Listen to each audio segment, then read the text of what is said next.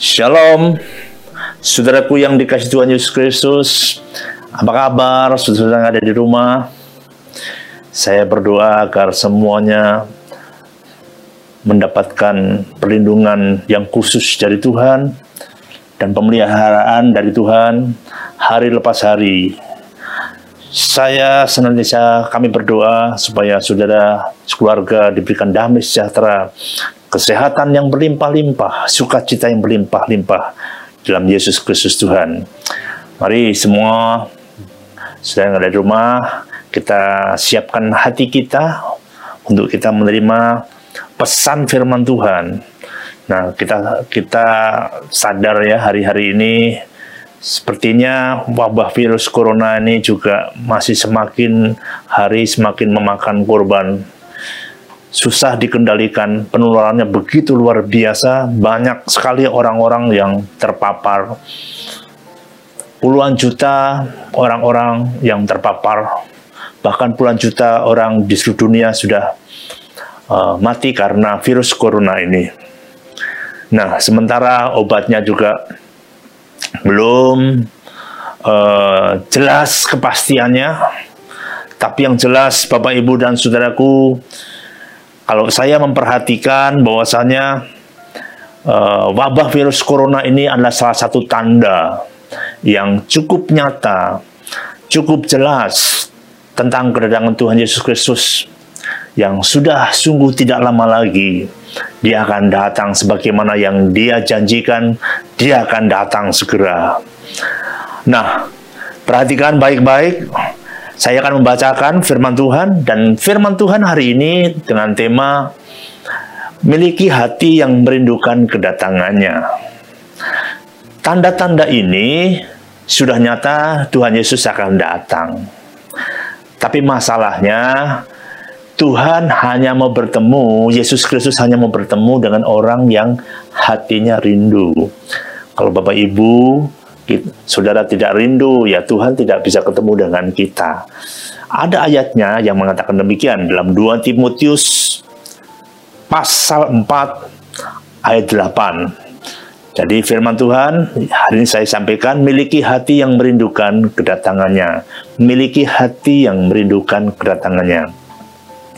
Sekarang telah tersedia bagiku mahkota kebenaran yang akan dikaruniakan kepadaku oleh Tuhan hakim yang adil pada harinya. Tetapi bukan hanya kepadaku, melainkan juga kepada semua orang yang merindukan kedatangannya. Perhatikan, ya. yang merindukan kedatangannya. Jadi, kalau orang Kristen tidak merindu, ya, untuk bertemu dengan Tuhan Yesus Kristus, ya dia nggak akan ketemu. Ya. Kalau saya melihat tanda zaman seperti wabah corona, masa yang sukar, kasih kebanyakan orang menjadi tawar, kehidupan manusia seperti pada zaman Nuh, pesta pora, mabuk-mabukan, kawin mengawinkan, seperti pada zaman Lut, kehidupan Sodom dan Gomorrah, itu betul-betul begitu kuat hari-hari ini. Seharusnya orang Kristen itu peka. Yesus berkata kepada orang-orang Parisi, ahli Taurat, Jangan kamu sesat. Rupa langit kamu bisa membedakan kamu lihat awan akan terjadi turun hujan, tapi tanda-tanda zaman kamu tidak bisa membedakan. Nah, saya khawatir orang-orang Kristen tidak bisa membedakan. Tidak peka. Wabah virus corona ini adalah pertanda jelas. Yesus akan datang segera untuk menjemput orang yang merindukannya. Sekarang masalahnya Bapak Ibu, apakah Bapak Ibu rindu nggak ketemu dengan Tuhan? Pernahkah Bapak Ibu berkata demikian? Ya Tuhan, datanglah. Datanglah ya Tuhan. Datanglah segera. Kami merindukanmu. Saya khawatir saudaraku, nanti akan banyak orang-orang Kristen yang tidak bisa bertemu dengan Tuhan Yesus pada waktu kedatangan nanti. Kenapa? Karena hatinya tidak merindukan Tuhan. Sekiranya ada seorang kekasih, kekasihnya berada di tempat yang jauh, lalu kekasih sang pria ini membiayai kehidupannya sehari-hari, mencukupi kebutuhannya sehari-hari tunangannya. Supaya tidak kekurangan. Namun, kekasih atau tunangan yang uh, wanita ini, dia tidak pernah bertanya kapan datang ke tempat saya. Saya pengen ketemu kamu. Tidak pernah. Wanita ini sibuk dengan kegiatan sehari-hari, sibuk dengan studinya, menikmati semua fasilitas yang disediakan oleh kekasih prianya. Pertanyaannya, kira-kira sang pria itu tindakannya apa? Pengen nggak berjumpa dengan wanita tadi? Saya percaya tidak akan pengen nggak bisa ketemu. Karena apa? Karena tidak merindukan. Tidak rindu untuk ketemu. Sibuk dengan urusannya sendiri. Nah, hari-hari ini banyak orang-orang Kristen, Bapak Ibu, Saudaraku, ya tentu saja mungkin termasuk kita-kita ini, sudah-sudah yang ada di rumah juga hari ini kita sibuk dengan aktivitas kita. Kita sibuk dengan kegiatan kita. Kita condong, hati kita condong mengasihi dunia ini dan segala keinginannya. Kita tidak pernah merindukan kekasih jiwa kita yang bernama Yesus Kristus. Mempelai pria yang kita kasihi. Kita nggak pernah berdoa dalam hati, berdoa secara pribadi dan berkata, Yesus datanglah segera. Datanglah segera ya Tuhan, aku merindukanmu. Saya tidak pernah kan? Lupa mengucapkan kata-kata seperti itu. Padahal di Alkitab mengatakan, kita harus berkata, Maranatha, datanglah ya Tuhan. Datanglah segera ya Tuhan. Bukan berarti kita pengen mati di dunia ini. Bukan. Rasul Paulus berkata begini. Aku bimbang dengan keduanya. Di satu sisi aku rindu, sebenarnya aku rindu bertemu dengan Tuhan. Tapi di satu sisi, aku masih hidup dalam dunia dan aku harus menangkan jiwa. Untuk itu, selagi aku hidup dalam dunia, aku harus berbuah lebat. Paulus sadar betul. Dia perlu melakukan sesuatu. Ketika nanti Tuhan Yesus datang, dia mendapatkan mahkota kehidupan itu.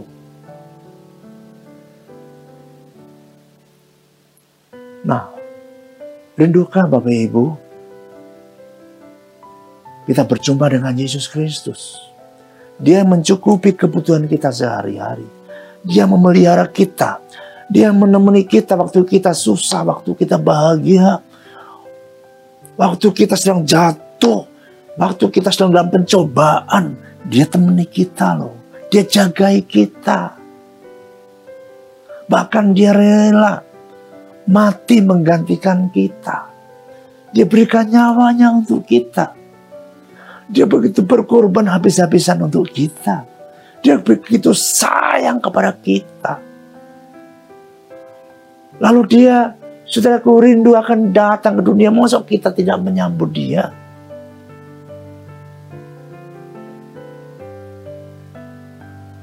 Tanda dia akan datang segera. Sudah jelas wabah corona ini yang susah dihentikan.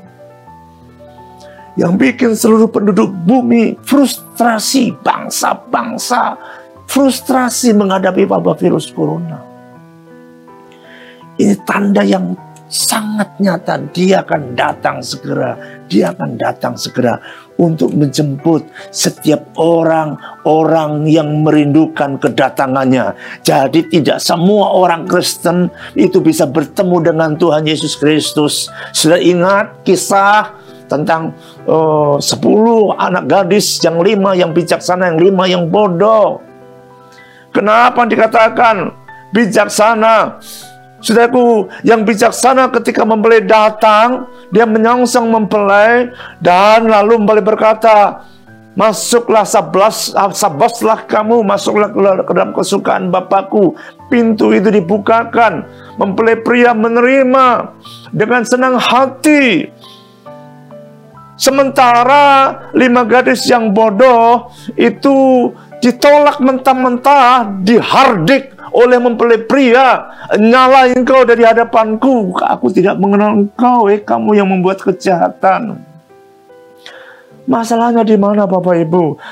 Ini melambangkan dua golongan orang Kristen. Orang Kristen yang bijaksana dan orang Kristen yang bodoh. Orang Kristen yang bijaksana adalah orang Kristen yang menjaga api cintanya kepada Tuhan.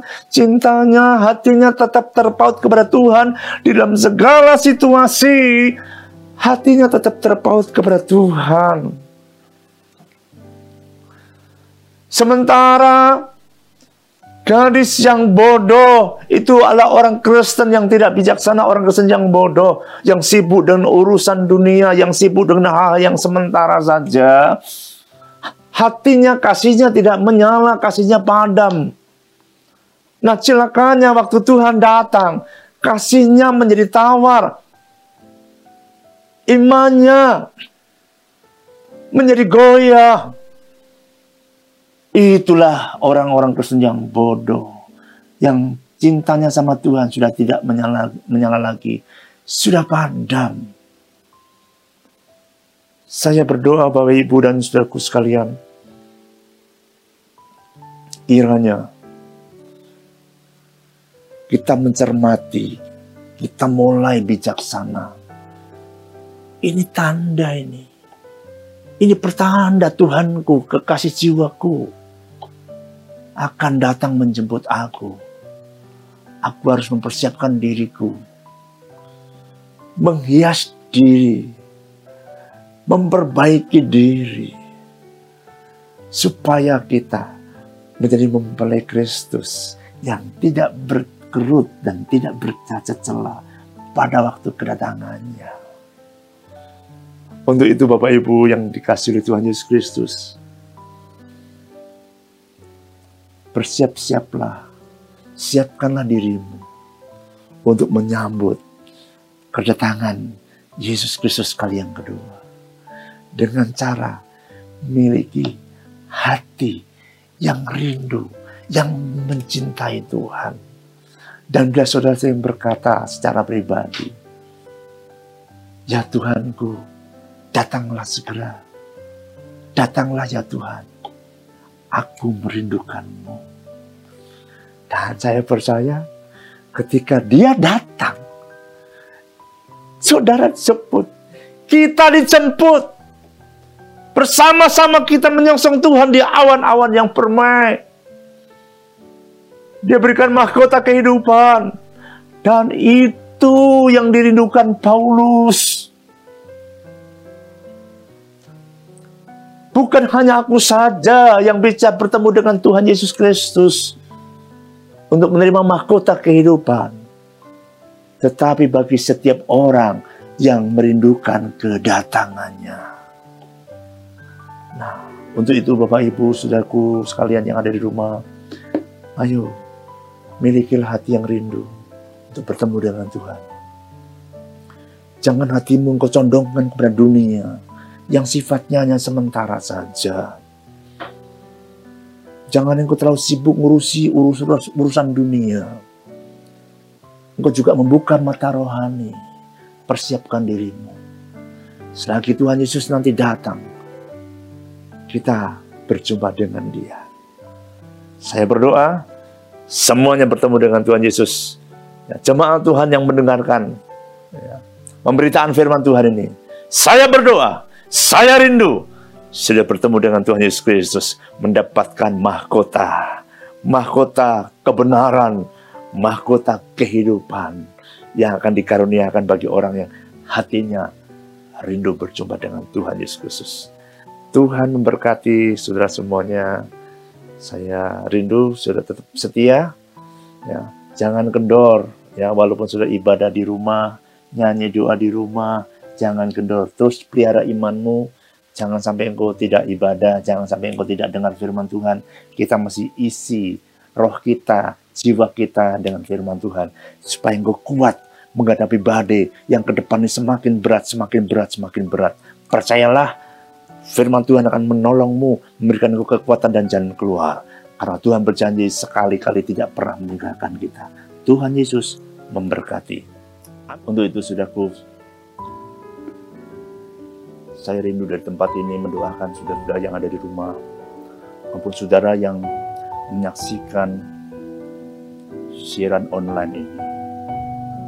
Mari tutup matamu, buka hatimu, angkat tangan.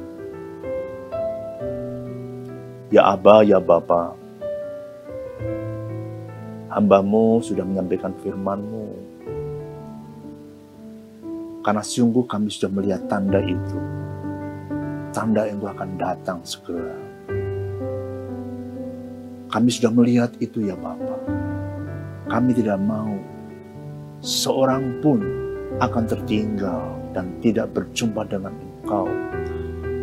Kami berdoa biar setiap orang yang mendengarkan siaran ini, Engkau menjamah hati mereka.